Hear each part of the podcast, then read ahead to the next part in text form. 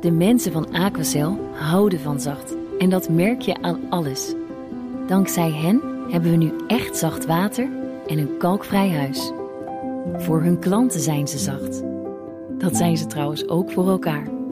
Voor ons zijn zij de kracht van zacht. Aquacel. 100% zacht water, 100% kalkvrij. De Nationale Autoshow wordt mede mogelijk gemaakt door Leaseplan. BNR Nieuwsradio. BNR, de Nationale Autoshow. Meindert en Wouter. Voor het eerst in jaren stijgt het aantal doden in het verkeer niet. Maar het aantal neemt nou ook weer niet fors af. Ja, het stagneert. En daarom moet er voor eh, verkeersveiligheid moet een nationale prioriteit worden. Maar hoe dan toch? Ja, dat is natuurlijk de vraag dan. Welkom een uur lang alles over auto's en mobiliteit hier op BNR. Straks in deel 2 praten we met de kentekenspecialist van ons land, Jasper Verwij. Wij hebben net ook een kenteken gekregen. Ja, ons eigen naam, wat leuk. Nee, het is wel uh, grappig. zo op de auto schroeven? Ja, ja, en dan lekker eh, de trekcontrole doorblaffen. Het Ja, lijkt me toch wel een keer leuk om gewoon te doen. Ja, tanken en niet Gratis. betalen, wegrijden. ja. Ja. ja. Maar hij... Maar dan heb je wel, hebben ze wel je naam. Oh ja, Maar ja, Meindert of Wouter, Ja, ja, daar zijn er zoveel meer van. voor. Ja. Eh, Jasper Verwij, hij weet echt alles over kentekens. Precies 120 jaar geleden werd het allereerste kenteken afgegeven. Eh, dat straks eh, natuurlijk, maar niet eerst de verkeersveiligheid. Deze week presenteerde het CBS de nieuwste cijfers over de verkeersdoden in ons land. Over dat en heel veel meer gaan we praten met eh, Peter van der Knaap, directeur van de Stichting Wetenschappelijk Onderzoek Verkeersveiligheid, kortweg de SWOF. Welkom, goed dat je er weer bent. Dankjewel. We hebben elkaar vaker gesproken, dus we gaan tutoyeren. 613 doden in het verkeer vorig jaar, 16 minder dan in 2016. Hoe beoordeel jij die cijfers? Nou, het is positief dat eh, het aantal verkeersdoden vorig jaar niet is verder doorgestegen. Ja. Dat is denk ik belangrijk om, eh, om te benadrukken. En tegelijkertijd is, eh, is die geringe daling, 2,5 procent, die heeft niet de stijging van de afgelopen twee jaar weer goed gemaakt. En ook als je wat langer terugkijkt, dan kan je eigenlijk zeggen dat we vanaf 2010 eigenlijk geen daling hebben. Dus het is... eh, Een beetje vlak. Ja, Een plateau wordt dat eh, internationaal wel genoemd. Hè? Dus dat het uitvlakt. Eh, ben je echt decennia lang, vanaf de jaren zeventig zie je dat het eigenlijk elk jaar eh, dat steeds veiliger wordt. En ja, dus de afgelopen acht jaar niet. En daar doet Nederland het ook wel van Europa eigenlijk het minst goed van alle grote landen. Zijn er ook landen die inderdaad aanzienlijk minder verkeersdoden per jaar hebben? Ja, dus de afgelopen acht jaar dan, eh, dan zie je dat Nederland achterblijft bij, bij de Ja. daling. Ja. Eh, en dat is trouwens deels... Maar ja, we deden het natuurlijk Precies, altijd vaak ja. heel erg goed. We hebben een voorsprong op veel andere landen. Klopt, ja, maar je hebt dat, natuurlijk wel erg veilige wegen en zo. Alles is kaarsrecht, overzichtelijk. Bijna nooit sneeuw en ijzel. Geen bergen. En je zegt alsof het erg is. Nee, nou ja, ja, nou, dat is erg dat we dat niet hebben. Nou, dat, is wel, dat maakt het rijden ieder- interessanter, maar natuurlijk ook wel wat gevaarlijker. Dus ik neem aan dat dat ook wel meespeelt. Dus dat je in wat gevaarlijke omstandigheden, ja, dan, dan, dan, dan, dan kan je bijna verwachten dat je ook meer verkeersdoden hebt. De wet van de remmende voorsprong die, die doet zich wel gelden hier. Dus we hebben het jarenlang goed gedaan. Eh, ambities waren niet lang geleden om wereldkampioen te blijven. Nou, die ambities hebben we op meer vlakken niet gehaald. Haha. Klopt, ja. ja vandaag is het oranje. Zullen we maar, een eh, lijstje maken? Ja. Overigens, we- kaarsrechte weg is niet altijd veilig, hè? Want dan gaan Nee, nee, mensen, nee. en dan gaan mensen andere dingen Ja, doen. Ja, ja, ja, true. precies. Ja. Maar eh, geen wereldkampioen dus. Waar staan we wel? De jongste Europese cijfers staan we op een, toch op een trots derde plaats. Maar die zijn wel wat geflatteerd, want dat is op basis van de re- geregistreerde verkeersdoden. Ja, ja. En we, Oké. we missen er elk jaar nog wel wat. Eh, Hoe vorig kan je er jaar wat missen? Toch de politieregistratie, ambulance data, als je die bij elkaar legt en je corrigeert dan ook nog voor de, voor de doodsoorzakenstatistiek, dan merk je dat je in de cijfers die in eerste instantie ook aan Brussel worden gerapporteerd, dat je daar elk jaar toch een stuk of tachtig mist. Zo. Brussel gaat daar wel van uit, Wow. Ja. vergelijking. Maar dat is best veel 80, Ja. want dat is gewoon 15% er weer bovenop. Ja, dat is heel goed dat CBS daarvoor corrigeert. Samen Ja. met een aantal andere partijen, waaronder ook eh SWOF. Eh, en als je naar de reële cijfers kijkt, dan staan we nog wel in de top 10. Maar dan zijn we zeker geen wereldkampioen. Er was nog een andere ambitie, 500 verkeersdoden in 2020. Ja. En dat klinkt altijd heel ver weg, 2020, maar dat is eh, al over eh, anderhalf jaar. Eh, dus dan denk ik, nou, 100 verkeersdoden eraf, dat wordt wel een uitdaging. Ja, dat denken wij ook. We hebben eigenlijk eh, vorig jaar al in de verkeersmonitor, verkeersveiligheidsmonitor aangegeven dat het vrijwel onmogelijk, wel heel lastig wordt om die doelstelling te halen. Nou, deze daling die maakt het eigenlijk niet veel makkelijker. Je hebt nog maar een paar jaar, dan moeten er nog eh, 113 minder. Dus dat wordt, eh, dat wordt heel lastig. Overigens ben ik heel blij met, eh, met wat de nieuwe minister van Nieuwhuizen heeft aangegeven. Die zegt van eigenlijk wil ik naar nul Ja. Ja, maar dat vind ik, eh, ja, maar dat, dat vind ik altijd zo'n flauw ding. Dat is hetzelfde als we in 2030 hebben de ambitie om allemaal emissieloos te rijden. Ja, maar en hoe dan? Weet je, we zitten echt niet in die trend naar de nul. Dus dat is heel leuk om te roepen. Maar ondertussen gebeurt er eigenlijk niet zoveel. Ik denk dat het om twee redenen eh, toch goed is om te doen. De eerste plaats moreel. Hè. Je gaat Ja. geen verkeerssysteem inrichten met als doel 500 verkeersdoden. Nee. Nee. Dat Nee. zou raar zijn. En daarnaast, en dat hebben we een keer op een rij gezet. eh, je ziet dat landen die die nuldoelstelling hanteren. Hè, Ja. Zweden bijvoorbeeld. Ja. eh, maar ook regio's die hem hanteren. Dat leidt tot meer aandacht. Ja. Tot meer middelen. Meer druk ook op, de, op de politiek.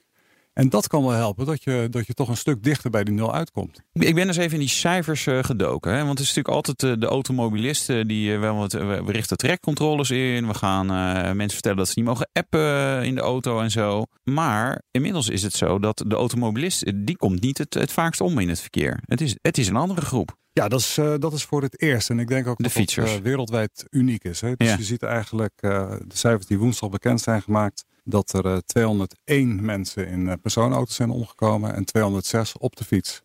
En dat is, eh, dat is voor het eerst eh, dat we dat constateren. Ik zat, eh, je hebt eh, natuurlijk CBS, hè, die cijfers. Tot 1996 kon ik terugkijken. Toen hadden we 239 eh, doden op de fiets. En nu dan 206. Dat zet niet echt, echt naar beneden. Dus eigenlijk blijft dat gewoon al heel lang een beetje rondom die 200 te hangen. Ja, als je de statistiek bekijkt, dan zie je, ik verwacht het eigenlijk al langer dat het zou gebeuren. Hè? Dus Ja. dat je meer eh, fietsdoden hebt dan eh, automobilisten. Die trend kruipt naar elkaar. Dus de auto wordt steeds veiliger, elk Ja. jaar een paar procent veiliger.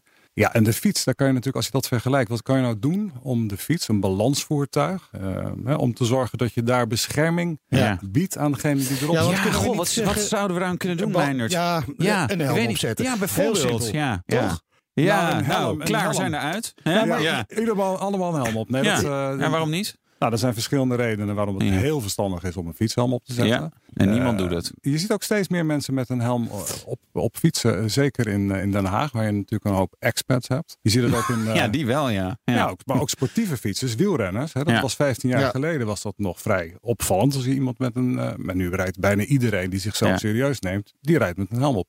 En tot 20, 25 km per uur biedt zo'n helm echt bescherming Ja. tegen hoofdletsel en hersenletsel.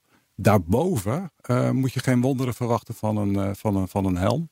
En, en zeker bij aanrijdingen met Maar gemotoriseerd eigenlijk is dus, dus langzame racefietsers, eh, die hebben een helm op. En de professionals, ja, dat heeft toch geen zin. Die moeten het gewicht maar Die moet een integraal helm gaan dragen. Ja, ja. Nou ja, er is, er is nu voor de Speed Pedelec speciaal een, een helm ontwikkeld. Die, eh, die ook hoge snelheden eh, toch met, met goede Ja. bescherming gepaard wordt. Nou, dus eh pleidooi vanuit, vanuit hier allemaal helm op, verplicht Nee, stellen. nee, zeker niet Nee, doen. waarom toch niet? ik vind het zo soft. Gaan we, we gaan voorlichten. We gaan Willen wij het land zijn van de wind in de haren Ja, en dan ja. maar wat onveiliger? Ja, Ja, wij zijn het land wind van in de haren en je in de hersenen, En op, mooi- straat. Hoe mooi zou het zijn als je de fietsinfrastructuur in Nederland zo zou inrichten dat je het inderdaad vrijwillig houdt. Of je jezelf beschermt met een helm op of niet. Ja. Maar ja, dat vind ik ook. Maar laten we dan ook de, de, de maximumsnelheden wat vrijwilliger maken. Want ja, wat maakt er nou uit dat ik gewoon lekker met, met 250 straks naar huis uh, blaf? Ja. het is wat onveiliger, maar ja. En of je je riem om moet doen. Ja, weet je, laten we. kan het overigens wel iedereen adviseren om dat ja, wel te doen ja, nee, trouwens. dat ja. Maar goed. Nee, waarom, voor, waarom voor automobilisten wel heel veel strenge regels en fietsen? Oh, daar moeten we echt van afblijven met z'n allen. Over het algemeen worden er eh, door fietsers zeer weinig mensen aan of doodgereden. Aangereden, dat valt trouwens wel Ja. mee, zeker in, in, in deze stad. Uh, maar de, de externe onveiligheid per, Ja. vuur, per voertuig verschilt. Die van Ja. auto's en zeker ook van, van bestelbusjes, van bussen, Ja. van vrachtwagens is heel groot. Dus ik vind het ook logisch dat je Dat eisen je- stelt Ja. aan Ja. eh, het gedrag van de mensen Ja. die zo'n ding besturen. Wat ik wel grappig vond, je zei de auto's worden elk jaar een procent, Ja. aantal procent veiliger. De fiets juist eigenlijk niet, hè? Omdat ze veel sneller gaan. Door die speed pedelecs, elektrische ondersteuning, Ja, je ziet nu ook dat een kwart van de, van de verschillende mensen- snelheden ook, veel Ja. meer op het Ja, fietspad. we hebben Ja. dat, we hebben dat in, in twee steden onderzocht, waaron- waaronder Amsterdam en Den Haag. En je ziet dat die verschillen op het fietspad qua snelheid, die nemen toe. Niet alleen trouwens door, door elektrische fietsen, maar ook door eh, scooters. En dat is in principe is dat altijd slecht nieuws. En wat klopt is ook dat, je ziet het terug in de cijfers. Hè, dus een kwart van de fietsdoden, dat zijn mensen op een elektrische fiets. En daarvan is, eh achten- eh, dat is geloof ik 58, nee, ik ken ze niet, maar 57 e-bikers en 38 daarvan is man en driekwart daarvan is, eh, is eh, 65 plus. Oudere mannen zijn Oudere daar, mannen op een e-bike. Die zijn, Ja. ja, dat is. eh, Dus man, als, als er oudere mensen, mannen luisteren en je krijgt van je vrouw een e-bike, dan, eh, dan is ze misschien wat minder gelukkig met je. ja, nuance is wel dat driekwart van alle verkeersdoden is een man. Hè, Ja. Dus dat is sowieso Ja. Ja, en vermoedelijk zijn ook meer mensen gaan fietsen door die elektrische ondersteuning. Dus ja, daar zit ook wel weer een stijging natuurlijk. En dat is mooi. eh, Dat is op want, zich mooi, ja, ja. Dan kunnen mensen zoals eh, eh, jullie lekker doorrijden. En het heeft ook voordelen Over voor de- lekker doorrijden gesproken. Ik ben wel een beetje klaar met de fiets. Zullen we weer naar de auto gaan? Eh, de minister, Ja. eh, Ja, we zijn eruit qua fietsen. Ja, Ja, daarom, helemaal op, daarom. klaar. Zo. eh, onze minister Cora van Nieuwenhuizen die heeft eh, besloten om eh, 50 miljoen euro te investeren in N-wegen. De veiligheid daarvan. Natuurlijk een verstandig besluit wat jullie betreft. Vaak heb je twee richtingen, hoge snelheid. Ja. En combinatie zorgt natuurlijk voor een groot risico. Het geld is nu hoofdzakelijk ook bedoeld voor aanpak van bermen. En dat is verstandig. De tussenberm of ook de zijberm. Nou, vaak heb je geen tussenberm. Nee, die moet er dus komen. Dus zijn het de zijbermen. Ja, oké, maar je kunt toch ook in, in het midden een verhoging maken? Er is vaak geen ruimte voor. Wat je wel zou kunnen doen, is kijken of je op sommige plekken een, een zogenaamde cable barrier kan, eh, kan plaatsen. Wat de Zweden ook doen. Wat is dat? Ehm, dat zijn staal, stalen eh, kabels Ja. Die dus het onmogelijk maken dat je frontaal op je voorlig, eh, Ja. je tegenligger botst. Ja, en dat maar heeft voordeel. Hè, dat, dat je het aantal frontale eh, botsingen terugbrengt. Ja. Het heeft ook wel nadelen, met name voor motorrijders. Ja. Ja, die worden onthoofd als ze vallen. Ja, dus Zeg de veiligheid sowieso van, van Ja. geleiderails voor motorrijders is, eh, eh, is, is, ja. is, heeft, dat heeft voor- en nadelen. En het nadeel is op het moment dat je zeg maar, zo'n eh, eh, zeg maar, nanny-constructie eh, zeg maar, inzet, dat je echt helemaal nergens meer kan en mag inhalen. En je rijdt achter die, eh, de babyboomer Ja. die 60 rijdt. Is dat je dan maar gewoon even je WhatsApp-berichten gaat bijwerken. Want dan wordt het zo saai en inactief om eh, de auto te rijden. Als je een, eh, een, een, een, middenberm hebt eh, die niet overrijdbaar is, dan moet je wachten. Ja, dat klopt. Ja. Is dat echt veiliger? Ik vraag me dat toch af hoor. Ja, Je, ziet dat mensen erg, erg, eh, zeg maar, eh, ja, gaan niet meer nadenken ook. Nee, maar naast, naast, frontaal, eh, naast bermongevallen en ook eh, zeg maar kopstaartbotsingen zijn frontale ongevallen. Dat is, dat, is, dat is de top drie van dodelijke ongevallen op Rijkswegen sowieso. Zometeen, auto's zijn veel veiliger geworden dan we eerst dachten. Dat is goed nieuws. Nou, dat en we dacht gaan ik al. verder praten. Jij wist het al. Ja, Ja. ik wist het eigenlijk Ja, ook ja, wel stiekem. ja.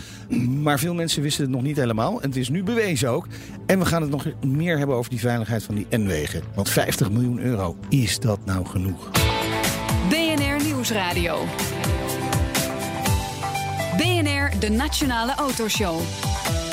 Je luistert naar de Nationale Autoshow. Te gast is Peter van der Knaap, directeur van de SWOV, de Stichting Wetenschappelijk Onderzoek Verkeersveiligheid. We hebben het over verkeersveiligheid.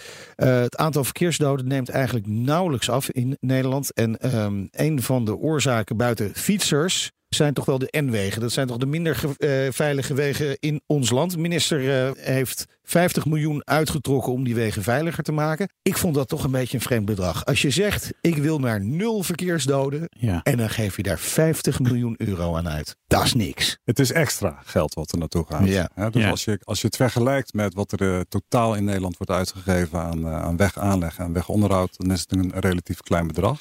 Maar het is extra en het wordt ook door provincies aangevuld. Ja, die komt nog 75 miljoen bij. En het is ook heel specifiek gericht op het veiliger maken van bermen. En dat is wel verstandig. Hè? Want een, een derde van alle dodelijke ongevallen op N-wegen, dat zijn bermongevallen. Inderdaad, het bedrag is gering. Zeker als je het afzet tegen de miljarden die we uitgeven aan wegen. Het is Ja. ook heel belangrijk dat je in die hoofdstroom van het geld...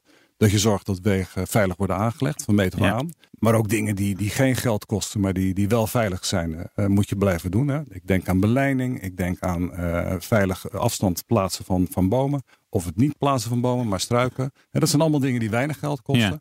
Maar Ja, dit is toch een belangrijke impuls. Wa- wa- wa- Wat gaat, wat gaat er concreet gebeuren met dat geld? Want ik, ja, veilig maken van berm. Wat gaan, gaan we Bomen eh, kappen. bomen kappen. Gewoon lekker de zaag erin. Hoppa.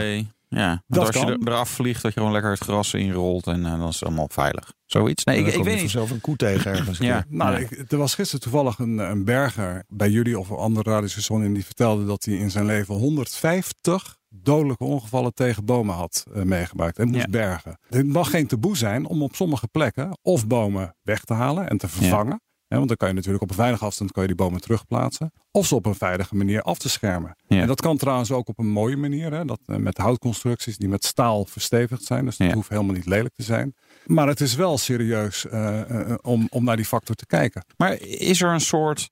Eh, je zou bijna denken, maar dan moet, er, moet je eigenlijk een soort, soort kaart hebben. Google Maps met hotspots. Van nou, daar gebeuren gewoon relatief veel ernstige ongelukken. Al dan niet met, met dodelijke af. Want ja, je kunt niet zeg maar alle wegen, zeg maar geleiderrails ernaast plaatsen. Alle bomen er langs gaan kappen. Zeker niet met maar 50 miljoen euro. Nee, dat zou, dat zou, dat zou ook een domme aanpak zijn. Wat, wat we gelukkig wel kunnen is heel gericht kijken welke eh, stukken van de weg heb je nou te weinig afstand als het gaat om obstakels. Hè? Dus de obstakelvrije afstand is te klein. Maar ook waar heb je aantakkingen? Waar, waar is de breedte dermate dat je denkt, daar moeten we wat aan doen? Daar hebben we ook een systematiek voor ontwikkeld. Zodat je dat objectief in kaart kan brengen met camerawagens, maar ook met, met, eh, met andere eh, bestaande gegevens die je al hebt. Ja. Zodat je ook gericht dat geld kan inzetten. En nogmaals, niet alleen dat extra geld, maar ook gewoon in, vanuit de hoofdstroom kijken. Waar kan je die wegen structureel Ja. veiliger maken? Nou heeft de minister ook een aantal trajectcontroles op N-wegen aangekondigd. Dat lijkt me dan wel weer een vrij kostbare oplossing. Nou, op zich. ze investeren in eh, kijk, toekomstige het- inkomensstromen. Je ziet het Als het verkeerd. werkt is het fantastisch natuurlijk. Gaat het ook, gaat het ook werken op N-wegen? Is het echt... Ja, het is iets wat wij al langer bepleiten. Eh, ja, je ziet N-wegen eh, heeft een hoog risico. Eh, trajectcontroles worden over het algemeen ook als redelijk ver eh, ervaren door, de- door automobilisten. Omdat het geen momentopname is. Aha. Ik ben voor een risicovolle inzet van verkeershandhaving. Dat betekent dat je het vooral inzet op plekken waar het nodig is. Dus niet waar mensen door een weginrichting per ongeluk een paar kilometer te hard rijden.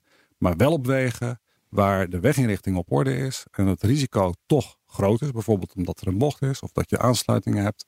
En daar kan trajectcontrole ook op het onderliggend wegennet helpen. En dat, Ja. dat kan ook eh, kostenneutraal zijn. Ja. Want zoals jullie Maar- weten, eh, verkeersboetes brengen ja, daar brengen ook wel, brengen wel wat op. Maar van alle trajectcontroles die ik ken, zo'n beetje. Een beetje op de ringwegen zijn ze dan wel oké op de snelwegen. Maar de A2 is niet echt een risicovolle eh, Nee. weg. De A4 Vier hier bij. Schiphol is ook niet echt een risicovolle weg.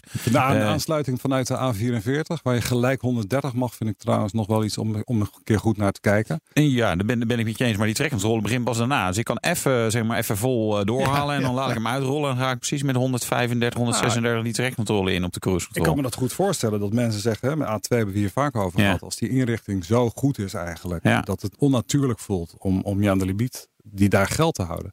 Dan zou je mensen moeten uitleggen waarom ze dan toch die limiet aan moeten houden. En dat heeft er niet zozeer met veiligheid te Maar het milieu. Ja, met geluid, met, met uitstoot. Dan zie je, hè, de Duitsers hebben die bordjes met Umweltschutz, dat Ja. dat toch op meer begrip kan Ja, rekenen. en lärmschutz, hè, dus er is een geluid en je s'avonds niet hard mag. Dan denk ik, ja, nou ja, snap ik dat je hier ligt slapen. Dat, Ja. Dan ga ik maar met de 220 voorbij in plaats van 260. Hè, Meijnerd? Jij Ja. toch ook, hè? Met je, met je duster eh, deze, deze, deze winter. Ja, ja, ja, ja. Ik, heb, ik heb nog een fotootje binnengekregen. Heel Ja. geslaagd, absoluut. Een van de problemen die je daar natuurlijk niet mee oplost met zo'n trajectcontrole is het appen. En dat wordt gewoon gezien als een van de grootste eh, problemen in het verkeer voor de verkeersveiligheid. Ja. Appen achter het stuur. Hoe gaan we daar nou voor zorgen dat mensen dat minder gaan doen? Behalve voorlichting, want die is er. Ja, we zien dat, eh, dat, dat heel veel mensen het ook aangeven. hè. Ik app in het verkeer. En we zien ook eh, eigen onderzoek. We hebben dat eh, met Europese collega's onderzocht. Dat van hun rijtijd zijn Nederlanders 10% gemiddeld bezig met andere dingen dan met de verkeerstaak. En het leidt ook tot, tot ongevallen. Ja. Amerikaanse collega's hebben dat nog eens laten zien. Hè, door, door geïnstrumenteerd te kijken. Wat gebeurt er nou vlak voor het moment dat het misgaat? En dan is afleiding is met stip nummer 1. En Ja. daar speelt de smartphone en de tablet. Maar ook Trouwens, afleiding buiten het voertuig. Hè. Denk aan de nieuwe LED-schermen die overal geplaatst worden. Dat speelt gewoon een grote rol. Wat kan je er tegen doen? Je moet alles inzetten wat je hebt. Dus je moet inderdaad beginnen met voorlichten wat de risico's zijn. En als mensen weten dat als ze hun navigatie rijdend instellen... of als, als je rijdt en je zoekt een telefoonnummer op... dat je tot meer dan tien keer je risico op een ernstig ongeval vergroot... Ja. Ik denk dat mensen, als ze dat zich Ja. realiseren... Het moment van realisatie komt eigenlijk pas als je het ervaart. Dat is vaak het grote probleem. Ik kan het honderd keer vertellen aan mensen en het komt niet aan. Pas als ze het echt ervaren. En het liefst niet in het echte verkeer, maar in een veilige omgeving. Dan beseffen ze pas wat er aan de hand is. Voor een bepaalde doelgroep kan het helpen. Bijvoorbeeld in een simulator. Hè, om te Ja. laten ervaren van wat, wat is nou het effect van niet opleiden. Voor, voor hoe snel je reageert bijvoorbeeld. Ja. Maar daarnaast, en dat hebben we ook wel gezien met alcohol. Het is een zaak van lange adem.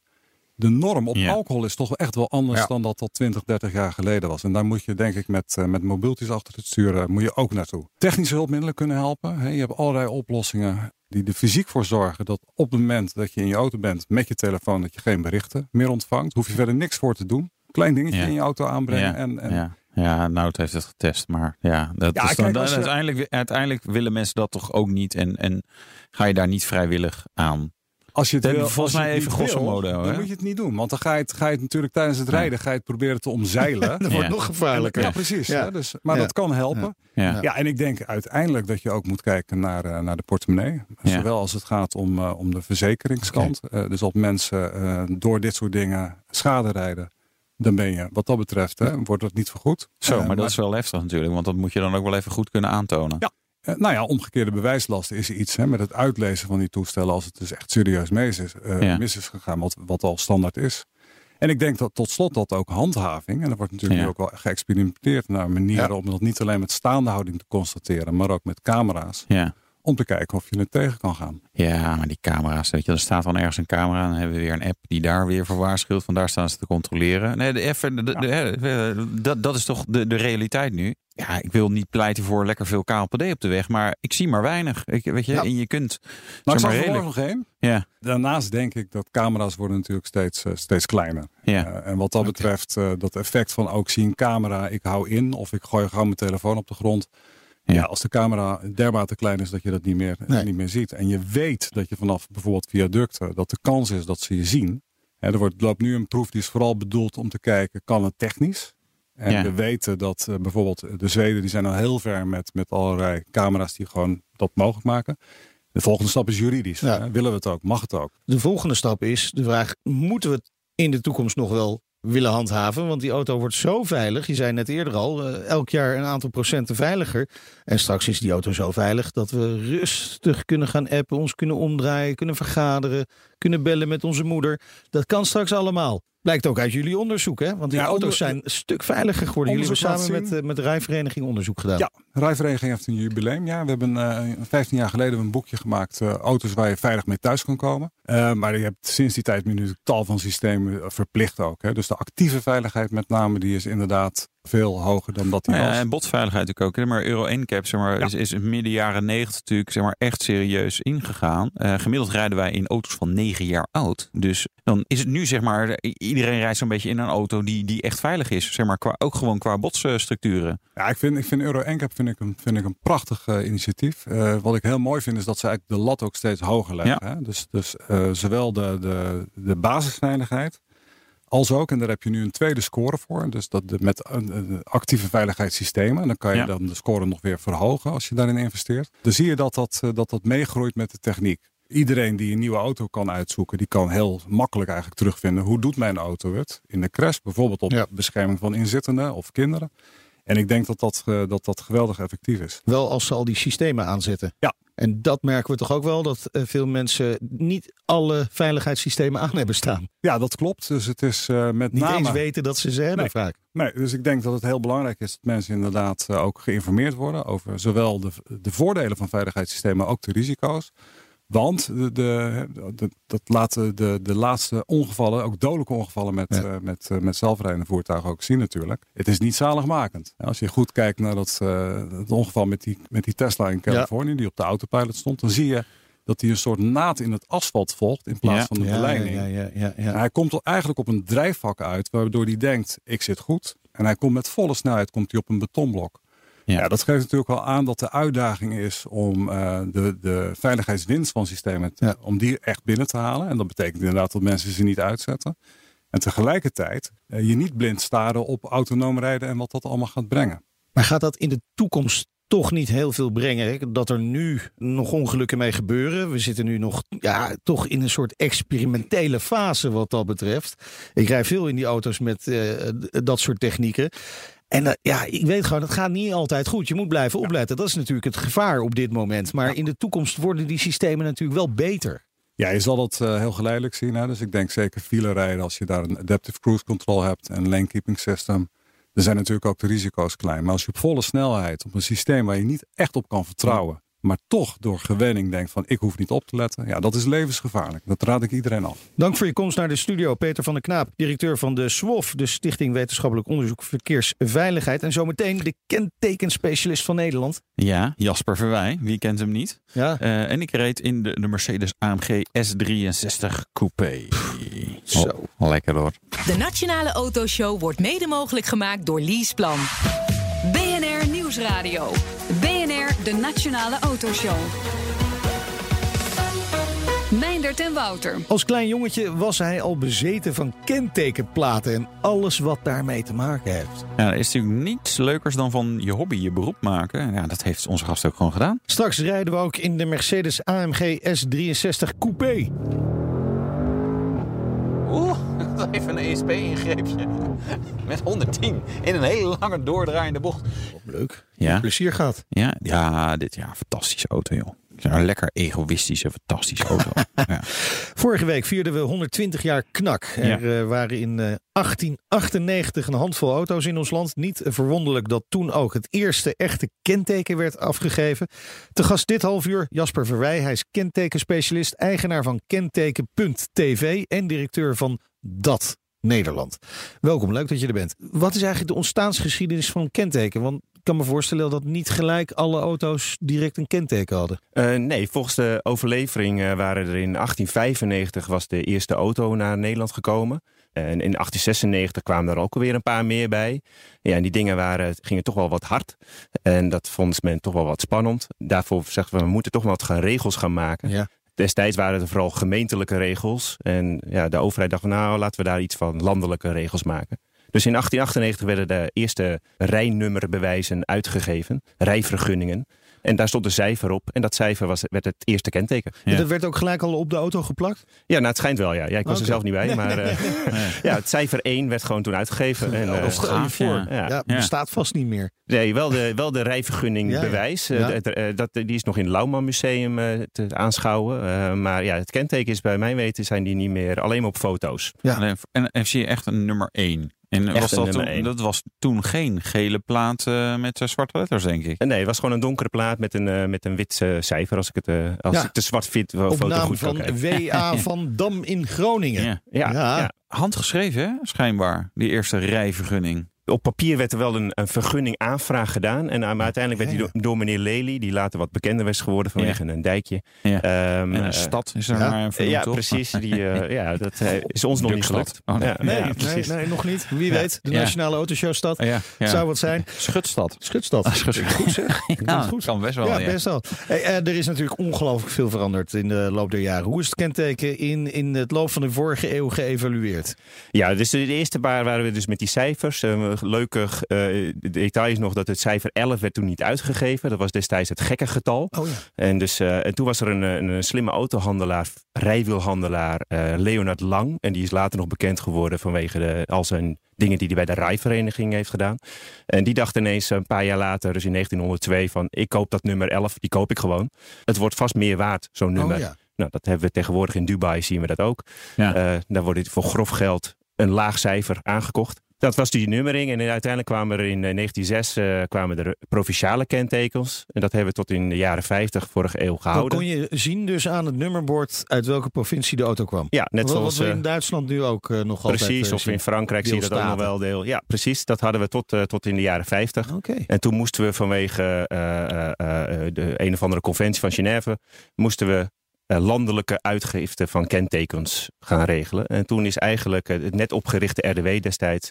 Uh, is toen uh, de kentekens gaan uitgeven. En dat systeem, dat systeem hebben we nu nog steeds. Okay. Dat het kenteken bij de auto blijft. Ja, en want het is in andere landen wel inderdaad anders. Hè? Dan kun je, de kenteken hoort bij de persoon soms. Ja, in België heb je dat. Uh, Ja. Engeland heeft wel een vergelijkbaar systeem zoals Nederland. Uh, Ja. Duitsland heeft weer een ander systeem inderdaad. Uh, dat verschilt per land inderdaad. Ja. Ja. Toch nog even terug naar die geschiedenis, want mensen zullen het af en toe nog zien.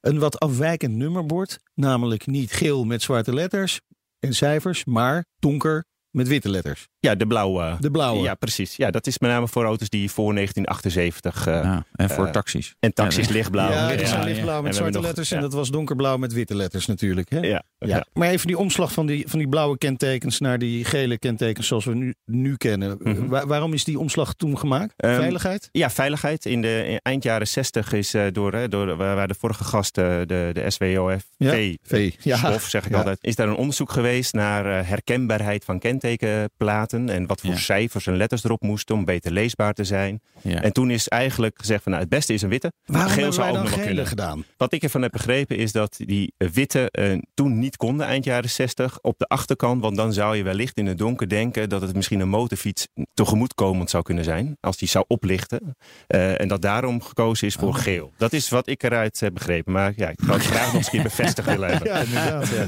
Klinkt als een redenering van de Nederlandse overheid. Zeg maar in de rest van de wereld gaat dat wel allemaal goed. Maar ja, wij moeten er even iets anders verzinnen. Ja, precies. je had ook die motorfietsen gewoon een andere kenteken Ja, kunnen geven. ja, die- natuurlijk. ja, ja, of gewoon motorfietsen verbieden was nog makkelijker. Ja, Maar, kan ook. Ja, kan ook. Ja. Jij bent gefascineerd door kentekens. Dat is best bijzonder. Misschien.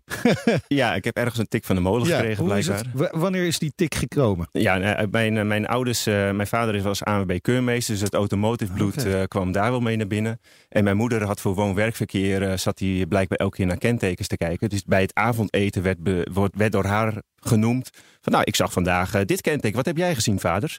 En zo heb ik blijkbaar dat wel meegekregen. En ja, mijn broer en ik zaten op de achterbank naar, eh, naar het buitenland, zaten wij eh, statistiekjes te maken, namelijk turven van snelle auto's. Eh, Dus dat was mijn eerste voertuigstatistiekje wij- blijkbaar Ik deed met mijn Ja. broer ook eh, autospelletjes op de achterbank, maar niet met kentekens meestal. Ja, wel kijken zien we Nederlandse kentekens, Ja, maar ja. daar hield het dan wel mee op. Ja, ik keek er wel naar van het nieuwste wat je dan Ja, zag of oké. zo. Weet je, dat, dat, dat soort dingen natuurlijk wel. Maar je hebt er, daarna ben je ook gewoon echt in automotive terechtgekomen. Dus het, het, het autobloed, eh, dat stroomt goed door. Ja, precies. Ja. Dus ik ben eventjes in een andere branche werkzaam geweest. Maar toen kwam er eigenlijk een functie bij VWE vrij. En eh, dacht, nou, dat is wel een mooie combinatie. eh.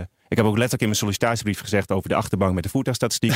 en blijkbaar was dat... eh, Toen was je Kon je ook aangenomen. ja, aangenomen. Ja, precies. Dus dat, eh, dat is mooi meegenomen. En ja, sindsdien heb ik eigenlijk, eh, ja, is, is, is zakelijk gezien hou ik me dus bezig met voertuiginformatie Ja. en alles rondom die kentekens. Ja. En ergens wilde ik een keer een, eh, een hobby en eh, een blog starten. Autoblog bestond al. Ja, Eh, en autonieuws, eh, ja, daar was ik nog niet zo van. Dus ik dacht, waar ga ik over schrijven? En, Kentekens. ja, toen Ja. kwam dat eigenlijk. En eh, sinds een, jaar of acht heb je je eigen website, hè? kenteken.tv. Wat kunnen we daar allemaal vinden? Ja, van alles en nog wat. Het is begonnen met het beschrijven van kentekens die gebruikt werden in commercials. Dat Ja. dat er wel eens mee, eh, mee ja, iets anders wordt Oh ja? gebruikt dan wat er daar... Want, want vertel. Nou, er zijn wat importeurs die dan een, een nieuw automodel doen en dan een kenteken erop laten monteren door, eh, door een mediabureau die van een heel ander merk is. Nou, dat vind ik dan grappig. Een soort fact-check is het eigenlijk. Maar Waarom doen ze dat? Goeie vraag. Meestal is het een internationale commercial die ze dan moeten vernederlandsen. Ja, en ja, daar wordt dan door de videobewerker iets gedaan. En ja, blijkbaar niet helemaal eh, opgelet. Eh, eh, dat, dat, daar is het Dan begonnen. heb je dus gewoon een BMW-commercial met een Mercedes-kenteken bijvoorbeeld. Ja, nou BMW heeft gewoon altijd wel de M Oh, van de, die, de eh, Duit. Dat- ja, daar ja, worden ja. ook nog wel bewuste eh, keuzes in gemaakt. Maar er zijn, fabri- eh, zijn importeurs die het altijd een Nederlands kentekenplaat in de commercial willen opnemen. Terwijl de internationale versie gewoon de originele is. En toch zie je het ook altijd wel een beetje in die commercials. Want je hebt zo'n setting die echt niet Nederlands is. En een stel wat er niet Nederlands uitziet. En dan wel zo'n gele kentekenplaat die ook nog net niet helemaal goed gerenderd is natuurlijk. Want ik bedoel, het is heel lastig om goed te krijgen. Ja. Maar goed, wat, wat, wat doe je nog meer op die website? Behalve het factchecken van eh, commercials. Je Ehm, doet veel hè? De populairste dienst is eigenlijk een dienst waarmee ik eigenlijk nieuwe kentekens voorspel. Er zijn blijkbaar eh, eh, massa's mensen die denken van ja, ja, over drie maanden krijg ik mijn nieuwe auto. Wat, welk kentekens ga ik krijgen? Eh, dus dat is de populairste dienst. Maar ik hou me ook bezig met allerlei andere data-analyses. Maar zoals- kun je dat zo goed voorspellen, inderdaad? Dus, nou, ik krijg, dan krijg ik mijn nieuwe auto. En dan kun jij zeggen, nou, dan wordt dat waarschijnlijk... Hoeveel procent zekerheid heb je daarbij? Nou, ik heb het niet uitgerekend. Ik zeg altijd, het is net als de weersvoorspelling. Eh, Die is net zo zeker. Als je een SL600 eh, gaat importeren, want ze leveren die auto niet meer, eh, dan, dan moet je dat even op 30 april eh, op kenteken. Ik deed 30 april en dan komt dan SL600S als voorspelling uit. Dus ja, jongens, cool degene die nog even een eh, grijze import SL600, dan, ja, dan heb je het matchende kenteken erbij. Dat is wel cool. Garantie tot aan de voordeur. Hou je Ja. wel rekening met feestdagen en zo in je voorspeller? Ja. Ja? Ja, er, zit gewoon en een, er zit er gewoon een patroon in die aanvragen. Eind van de maand zie je, en loopt het op, want dan gaan de importeurs toch nog wat aanvragen. Eind van een kwartaal loopt het nog meer op. Ja. En nou, dat soort Ja. patronen patronen, Ja. die, die volg je al Wat een zegt, aantal dat, eh, wat zegt dat trouwens? Dat het eind van de maand aan het eind van het kwartaal eh, oploopt? Nou, waarschijnlijk moeten er nog wat bonussen worden gehaald. Ja. En er moeten wat voorregistraties worden gedaan. Ja, voor registratie. Ja, Dus ja, het ja, zijn dus ja, niet ja. per se dat aan het eind van de maand wij massaal als consument allemaal meer auto's kopen. Het wordt zelf geregistreerd als het ja, ware. daar, eh, daar- dat schijnt nog wel eens Ja. te gebeuren. Ja. Ja. Belangrijk moment, altijd bij, bij autoliefhebbers, ik weet het ook nog altijd van vroeger, is eh, het moment als de RDW met een nieuwe kentekenreeks Ja, gaat waar was jij toen de vorige reeks Ja. gestart werd? Jasper, Daar Jasper wordt- weet het wordt misschien. wel dat is wel altijd heel wel eng. geheimzinnig over gedaan. Waarom is dat? Het vermoeden is dat mensen dan geen nieuwe auto gaan kopen en afwachten tot het nieuwe kenteken is, want dat zou dan meer waard zijn. Het Ja. is echter nooit bewezen. Ja, ik denk dat het eerder een soort fabel is en dat het Oh. eerder een, een handige PR-moment is. Ja. Nou, je Eh, ziet het in Engeland eh, wel. Ik weet niet of het nog steeds dat systeem helemaal is. Echt een Y-Reg en wat was dan zeg maar een bepaald jaar ongeveer. Dan wordt, werd dat ook wel echt, echt aangehaald. Alleen in Nederland is het natuurlijk wat, ja, het loopt sowieso fluïde. Dus het, is, het, is wat, het zegt wat minder een bepaalde lettercombinatie volgens mij. Ja, het is niet aan een, aan een jaar gelinkt. Maar dan kun je dus ook nu heel veilig zeggen wanneer de nieuwe reeks komt. Weet je dat al? Nou, ik heb sterk te vermoeden dat die volgend jaar gekomen, 2019. Ja? Want we zitten nu eh, in de S. Nou, we gaan de, nog de X doen en daarna komt de Z. En eh, ja, dus dat, dat Oh ja. zit ergens in de, in de Ja, komende ja. jaar. Hoe is het in Nederlands? Want het alfabet is, eh, gaat niet helemaal lekker. Hè? Tussen de S en de Z zitten nog wel een paar andere letters. Ja, klopt. Ja, er zijn een aantal eh, letters eh, die overgeslagen worden. Ja. En, eh, Waarom? Waarom? Een paar letters omdat ze gereserveerd zijn voor andere voertuigsoorten. De B Ja. voor bedrijfsauto's, Ja. de D voor bromfietsen, de M voor, eh, voor de motorfietsen. Op die manier. En, Ja. eh, en, en ook gewoon omdat er een aantal eh, eh, ja, klinkers willen we niet. Daar, kun je wellicht woorden mee maken. Ja. En de Y is ooit ook besloten om die eruit te halen. Ja, dat is moeilijk. Want dan weten mensen niet hoe ze dat moeten omschrijven. Misschien, ja, de. I. En- of, Ja. nee, de Y. En, en sommige, sommige lettercombinaties zijn natuurlijk ook niet eh, gewenst. Klopt, klopt. Overigens kwam ik eh, een tijdje geleden een politieauto tegen die KGB achterop had staan. Dat vond ik wel een hele mooie. Ja, dat mag dan weer Dat wel. mag dan weer wel, maar Ja. wat mag bijvoorbeeld niet? Ehm, ja, we zitten nu bijvoorbeeld in de S. SS mag niet, Oh, ja. SD mag niet. Ehm, want dat heeft eh, ja, linken met de Tweede Wereldoorlog. Ja. Eh, dat soort combinaties. Eh. SD-kaartje mag dan weer wel. Ja. Gek genoeg. maar goed, dat is weer iets anders. Ja. Ook de, de, de V en de U doen we dus ook allemaal. eh, Eh, de V is voor lichte bedrijfswagens. Ah. En de U is eh, dan een klinker, waardoor die overgeslagen wordt. ja. Zijn er nog andere grappige combinaties die je bent tegengekomen? Ja, recentelijk was een, eh, de kenteken SJ en dan drie keer 1T. En dat als je, SH, sorry, drie keer 1T. En dat kan je lezen ja. als shit. Ja. En eh, dat, ja, dat vind dan... Die was er dan wel doorheen geslipt. Ja, hè? precies. En eh, ja, in de vorige reeks hebben we ook nog wel eens een keer drie keer X gehad. Dat vonden mensen dan Ja. wel weer grappig. Ja. Eh, en nu is er toevallig recentelijk eentje uitgegeven. OR69GY. Dat kan je lezen als Orgie 69. Ja. Dat vinden dan een, eh, een Dat aantal was een hele grote SUV, Ja. denk ik. Ja, oplegger. Ja, Opleggen. opleggen. Oh, ja. Ja. Nou ja, daar kan je Daar wordt dan wel een halen. gebruikt trouwens. Ja. Zometeen, hoe ziet het kenteken van de toekomst eruit? Krijgen we nog wat technologische innovaties op dat gebied? En we gaan rijden in een dikke Mercedes AMG. BNR Nieuwsradio. BNR, de Nationale Autoshow. We gaan rijden. De rijimpressie. Wouter test de Mercedes AMG S63 Coupé. Om maar meteen met de conclusie te beginnen. Dit is een auto die een vraag beantwoordt die werkelijk niemand heeft gesteld. Maar dan ook helemaal niemand. En toen was hij daar. En toen reed ik erin. En toen dacht ik, ja, maar hij is wel briljant. Hebben overigens al meer mensen gedacht. Want het is zeker niet de eerste generatie van een grote Mercedes coupé. Hè, op basis van de S-klasse. Tegenwoordig heet hij ook echt S-klasse coupé. Voorheen was dat dan de CL. En de SEC heeft zo'n ding ook nog eens geheten. En dat verkocht altijd gewoon prima. Hè? Echt al, nou, ik denk sinds de jaren 80, misschien daarvoor al wel. Dus, nou, zeg maar 30, 40 jaar brengt Mercedes grote coupés op basis van de S-klasse. En als ik het heb over groot, dan is het ook echt opritvullend groot. Maar dan zonder de binnenruimte die je daar traditioneel bij krijgt bij een S-klasse. I kid you not, we hebben wel vier zitplaatsen aan boord. Maar om nou met z'n vier op pad te gaan, het kan. Maar zeker niet met vier volwassenen. En eigenlijk is de achterbank ja, hartstikke mooi gevormd. En ook met leer bekleed. En Isofix zie ik zelfs. AMG-logo's en bekerhouders. Eh, alleen één ding ontbreekt. En dat is beenruimte. En als de stoelen gewoon, voorstoelen dan, in normale stand staan, dan heb je eigenlijk niet zo heel veel aan alle ruimte die deze auto op de aardkloot eh, inneemt. Want binnenin, nee, nee, echt ruim is het niet. Maar toch is het een fantastische auto. Dit, ja, dit, is, dit, is, is toch gewoon een beetje het vlaggenschip van Mercedes-Benz. Eh, en dan ook nog een AMG. Dus dat betekent dat je er ook nog heel veel lol mee kan maken.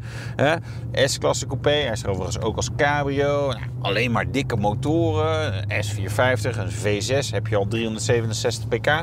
Tot aan de S65 AMG. V12 630 pk. Maar geheel tegen onze principes in zijn we niet met de dikste op pad, maar met de S63 AMG. Dat is een van de twee V8'en die je kan krijgen in de S-klasse coupé. De andere is de S560. Nou, laten we nu even voor wat het is. Maar deze S63 ja, doet eigenlijk niets onder voor die V12. Die V12 heeft wel vier cilinders extra, 2 liter slaginhoud en maar 18 pk meer. Deze S63 heeft al 612 pk. En dat betekent sprint naar de 100 3,5 seconden. Wat sneller is dan die S65, want die heeft achterwielaandrijving. Deze heeft vierwielaandrijving. En kan dus zeg maar, die power daadwerkelijk ook op het asfalt kwijt. En wat zo briljant is aan deze auto, ultiem comfortabel adaptief onderstel, kleppen in de uitlaat, een 9 traps automatisch, zeg maar snel opschakelt. Dus ik, dus ik rijd nu 60, nou, nog geen 2000 toeren, schakelt hij weer op. 80 in zijn 7, 1200 toeren, reed net op de snelweg, negende versnelling. Ook iets van 1500 toeren, 120 kilometer op de... Dan hoor je niks. Ik, ik zal even stil zijn, hoor niks. Ik rijd 80. Maar ik kan hem ook in de racestand. Dan hoor je misschien al een beetje rommelen. Oeh, even een ESP-ingreepje. Met 110 in een hele lange doordraaiende bocht. Maar dat maakt niet uit. Hey, dit is dual character. Eigenlijk een soort hot hatch. Voluit accelereren. Als je dit op bochtige weg rijdt, lijkt die auto te krimpen. Wordt die gewoon kleiner. Kan je ermee gooien en smijten? Is het echt een auto waar je die aan zijn nekvel kan grijpen? Uh, om gewoon even, even het maximale uit die auto te wringen.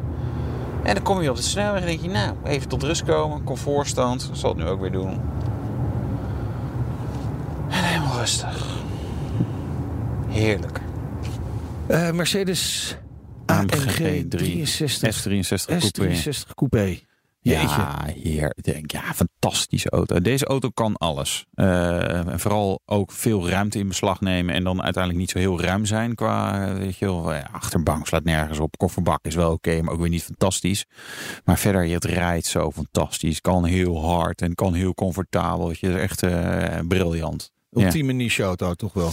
Ja, nee, het ultieme statement dat je vooral niet zo heel veel geeft om allerlei andere mensen, maar dat jij gewoon fijn wil rondrijden. Ja, dat, ja, ja daar is ja. wat voor te zeggen. Weet je de prijs nog? 232 was die volgens mij. In deze zat niet eens zoveel opties op. Volgens mij maar voor 16.000 euro opties. Of die 248 okay. totaal. Beetje scharrige uitvoering. Nou. Bijvoorbeeld geen uh, Swarovski-kristallen in, uh, in de koplamp en zo. Dat soort dingen zat er allemaal niet op. Ja. Behelpen. Ja. Uh, eindoordeel. Dit is een auto voor Ajax-supporters. Ja, ik dacht, jullie, weet je, je moet ook een keer wat leuks hebben als Ajax-fan. BNR Nieuwsradio. BNR, de Nationale Autoshow. We praten verder met Jasper Verwijs, kentekenspecialist en directeur van Dat Nederland. Aan het begin zeiden we al, je hebt van je hobby je werk gemaakt. Dat, wat doet dat? Ja, de, dat is uh, DAT, zeg ik altijd zelf. Dat is een, een, een, samenwerking tussen VW Automotive en DAT uit Duitsland. En DAT staat voor Deutsche Automobil Treuhand. En werd in Ja, 1932, Ja, ja, dat zeggen we nog Ja. steeds niks. Nee, Maar precies. goed, in ja. 1932 opgericht. Omdat toen was er geen tweedehands markt. En Ja. er was een behoefte aan eh, onafhankelijke waardering van auto's, taxeren van auto's. En daar is Oh, DAT leuk. uit opgericht. En eh, dat, eh, ja, dus de, het boekje eh, wat met de restwaardes is in Duitsland gewoon een begrip. Ja. En, eh, Een boekje? Ja, destijds werd er Ja, maar een jarenlang betaal je Ja. ook gewoon nog met cash geld. en zo, Ja, hè? dat Duitse soort dingen. mark. Ja, kan je gewoon Ja. inleveren. Ja. Ja. En, en tegenwoordig natuurlijk veel veel online. Oh, en ook Heel ook veel. heel veel rondom, eh, Ook rondom eh, eh, Moet je toch in de gaten houden dat online Ja, gebeuren. Wouter. gaan wel Ja. worden. Ja. Maar hoe werkt het precies? Wij leveren dus informatiesystemen om, om auto's uniek te... Hè, zoals, zoals die eh, mooie Mercedes van net, eh, die Ja. weer benoemd werd. Ja, die, steeds meer fabrikanten weten heel veel opties te verzinnen. En ja, als je dan eh, eh, eh, een willekeurige Mercedes voorbij ziet rijden... dan wil je wel eens weten van welke optie zit er exact op. Ja. Ja. En om dat te detecteren hebben wij een hele informatiehuishouding gemaakt... om te zeggen van nou, Ja. deze Mercedes heeft nou, Ja. de karige versie. Zo moeilijk hoeft dat toch niet te zijn. Als je toch chassisnummer hebt, dan, dan trek je dat toch zo uit een database van Mercedes bijvoorbeeld? Klopt, of- alleen of- Mercedes levert het in codes uit die hun eh, hebben verzonnen. Ja. En die verschillen ook nog wel per Ah, merk. hè. Ik zeg maar wat, vergelijk al de Golf GTI in, eh, in Duitsland heeft standaard verwarmbare voorstoelen. In Nederland is dat een optie. Ja. Dat, dat verschilt gewoon per land hoe die auto's eh, zijn gespecificeerd. Dus Ja. wij researchen per land, gaan we, onderzoeken wij al die verschillende opties. Zo. En ja, dat is dus... Hoe doe je dat? Krijg je alle folders opgestuurd en dan ga je zitten turven. Ja, het is een heel groot gedeelte is gewoon handwerk. Oké. Jeetje. Maar dat, kan, dat zou toch automatisch moeten kunnen? Gewoon eh, lekker vanuit de fabrikant. eh, hier, hier lijstje, dit zit, dit zit op deze auto's. Klopt, maar de, de ene fabrikant heeft een code 1, 2, 3 en dat staat voor eh Adaptive Cruise Control. En de andere Ja. heeft weer ABC. En ja, elke Ja, fabrikant ja, ja. heeft zijn eigen codes. En zie daar nou maar Ja. één unieke laag van te maken. Behoorlijk eh, monnikenwerk dus. Dan mag je hopelijk verwachten dat er mensen ook geïnteresseerd in zijn. Voor, voor wie doen jullie dit? Met name voor eh, eh, verzekeraars, importeurs, eh, autohandelaren die eigenlijk heel snel eh, gegevens willen hebben om de juiste beslissing te nemen. Om de juiste auto te taxeren of om, om juist wat we ook doen, schades te kunnen calculeren. En dat, dat scheelt dus ook daadwerkelijk. Want ze hebben echt die interesse. Ja, wat eh, tegenwoordig met al die auto's, met die koplampen, die, die E-series kunnen twintig verschillende koplampen eh, voor, rechts voor. Eh, ja, moet je wel weten welke Ja. koplamp exact heb ik nodig. Oké. Spannend. Toch? Ja, ik vind het wel, eh, wel, wel Ik vind het heel bijzonder. Nee, ja, je, je zou denken dat dat veel makkelijker is. Maar dat Ja. is- daar zit dus een hele wereld aan. Want, want met, met hoeveel mensen doen jullie eh, dit? in Nederland doen we het met een klein team, want het is Ja. hier vooral ne- van Nederlandse. En, Ja. Maar in Duitsland zit er 200 plus man eh, te werken aan die Ja. systemen. En Nederlanders bestellen toch niet zoveel opties, dus je kan het dan dat is dan wat eenvoudiger. nou ja, dat is, dat niet waar. Maar en auto's die worden geïmporteerd, dat soort dingen krijg je natuurlijk ook. Dat is heel moeilijk om daar zeg maar, de precies de vinger achter te krijgen. Klopt. Ja, dus je moet eigenlijk weten waar die auto voor geproduceerd is. Om Ja. te weten van oké, dan is dit de standaard uitrusting en dit is de, de, de extra uitrusting die die persoon heeft aangevinkt. Je, je doet nog veel meer met kentekens. Je bent ook een van de bedenkers eh, van de kenteken-app Finnick. Ja, ik was ooit begonnen als een grapje. eh, van ja, wat zou het leuk zijn als wij dat eh, gewoon in zo'n app store Ja. knallen. Dat grapje werd eigenlijk gewoon heel veel gebruikt en heel veel bevraagd. Want hoeveel, hoeveel mensen checken kentekens jaarlijks? Ehm, nou, we hebben het berekend op het aantal bevragingen. Er Ja. worden echt bijna 40 miljoen keer wordt onze app en website daarvoor gebruikt om gegevens op te vragen over auto's die, eh, ja, ofwel die je wil kopen, ofwel die je wil verkopen, of omdat er een, een auto voorbij rijdt waar je zegt, hé, hey, interessant. Dat kan zijn, eh, dat is niet alleen maar, want dat hebben we uitgezocht, niet alleen maar de Bugatti eh, of eh, de Ferraris Nee. of de Porsche. Ook gewoon, de, de, gewoon de normale auto's worden ook gewoon Ja. veel gespot. Is er een normale auto die extreem veel gespot is? Want jullie houden dat ook bij, hè? Zeg maar een soort score als het ware. Klopt, de spotlijst eh, houden we bij. En dan moet ik zeggen dat ik het zelf niet paraat heb, helaas. Eh, Ja. Want ik tegenwoordig doe ik andere dingen. Sorry. Ja, ja, ja, ja. En tot slot, ik had het aangekondigd. Het kenteken. Eigenlijk, we hebben er hier eentje. Hele mooie naam erop trouwens. Het is natuurlijk hartstikke ouderwets, zo'n plaatje. Met Ja. letters en cijfers erop. Ja, dat, Dat, zou je kan zeggen. wel anders, toch? Ja, dat zou je zeggen. Maar dat, blijkbaar is de, de oorspronkelijke idee was van de, de politie moet kunnen zien, die auto kunnen identificeren. En dat is nog steeds, anno 2018, nog steeds een van de redenen om, die- om zo'n plaat Ja. nog steeds te hebben. Er wordt wel geëxperimenteerd met, met, eh, met eh, chips in de kentekens. Want er zit, vindt ook fraude mee plaats. Ja. Dingen die gestolen worden, die platen. En dan op een een of andere RS-auto worden geplakt. Ja. Ja, ja, ja. ja, ja. En, en, en er wordt, zetten hier en ja, daar. precies. Dus er wordt eh, voor met tankfraude. Ehm, daar wordt wel al een aantal jaren mee gesproken. Maar ja, chips dus, maar, maar er zijn ook wel andere mogelijkheden, denk ik. Ja, LED bijvoorbeeld. ja, precies. In Dubai en in Californië zijn ze nu aan het experimenteren met, eh, met een soort eh, e-ink display van een kenteken. Dat je dan, als een auto gestolen is, dat politiebeambte op afstand de tekst gestolen op die kentekenplaat kan projecteren. Cool. Ik denk eerder dat het nog wel Oh, een keer blijft nog kunnen terugvinden. Zo, Zo, ja. Nou, de TT. ja, ja, het is nog steeds weg. Ja. echt waar? Ja, zonde man. Ja. Ja. Eh, Maar je- wat, wat, we- moeten wel naar een soort oplossing daarvoor. Hè? Want het gebeurt toch best wel veel. Het kentekens eraf worden getrokken. Worden veel, hè? En, en, en als het maar voor, alleen maar voor brandstofdieven zou zijn... dan zou je nog zeggen dat het eh, wauw, hè, kunnen we accepteren. Maar er worden ook wat andere dingen mee gedaan natuurlijk. Wat wordt de holy grail wat jou betreft... om, om um, kentekens echt veiliger te krijgen? Ja, dat zou denk ik toch wel in zo'n chip-technologie eh, zijn. Alleen zo'n chip kan je ook achter je vooruit plakken. Dus de, de, voor heel veel van dat soort diensten zou een andere manier... hoeft niet per se in de kenteken ook verstopt te zijn. hacken natuurlijk. Ja, dat is de- ja, zeker Ja. met zo'n LED-scherm. Ik zie het al voor me dat, eh, Ja. dat, dat Facebook eh, zegt... hé, hey, dat is handig. ja, daar kunnen we ook nog wat leuke dingen mee doen. Ja, Ja, precies. Kun je elkaar berichtjes sturen. Jee. Leuk via je kenteken. Dus voorlopig, we blijven nog even gewoon aan de, de plaat. En het is ook wel een schitterend ding natuurlijk. Ik vind het altijd wel mooi. Dank voor je komst naar de studio. Jasper Verwij, kentekenspecialist en directeur van DAT Nederland. Wouter, volgende week. 40 jaar Donkervoort. Oh, wat leuk. Ja, die hebben een feestje te vieren. Dus ja, dat moeten ze ook bij ons doen dan. Hè? Ja, gaan we ook nog rijden? Eh, ja vast wel. Open dakkie. Ja, met een Donkervoort dat weet ik eigenlijk niet. Ik heb er nog niet, eh, niks van gehoord. Ja, moet dan regelen. hè. Ja, Nou, nou het regelen Vergeet dat. ons niet te volgen via Twitter, eh, check Facebook, Instagram. Download de uitzending via de podcast, Spotify of in de BNR-app. Tips of vragen, dan kun je ons mailen. Ouderwets, Ja, hè? autoshow at. bnr.nl. Zo is het. Doei. De Nationale Autoshow wordt mede mogelijk gemaakt door Leaseplan. De mensen van Aquacel houden van zacht. En dat merk je aan alles. Dankzij hen hebben we nu echt zacht water en een kalkvrij huis. Voor hun klanten zijn ze zacht. Dat zijn ze trouwens ook voor elkaar. Voor ons zijn zij de kracht van zacht. Aquacel. 100% zacht water, 100% kalkvrij.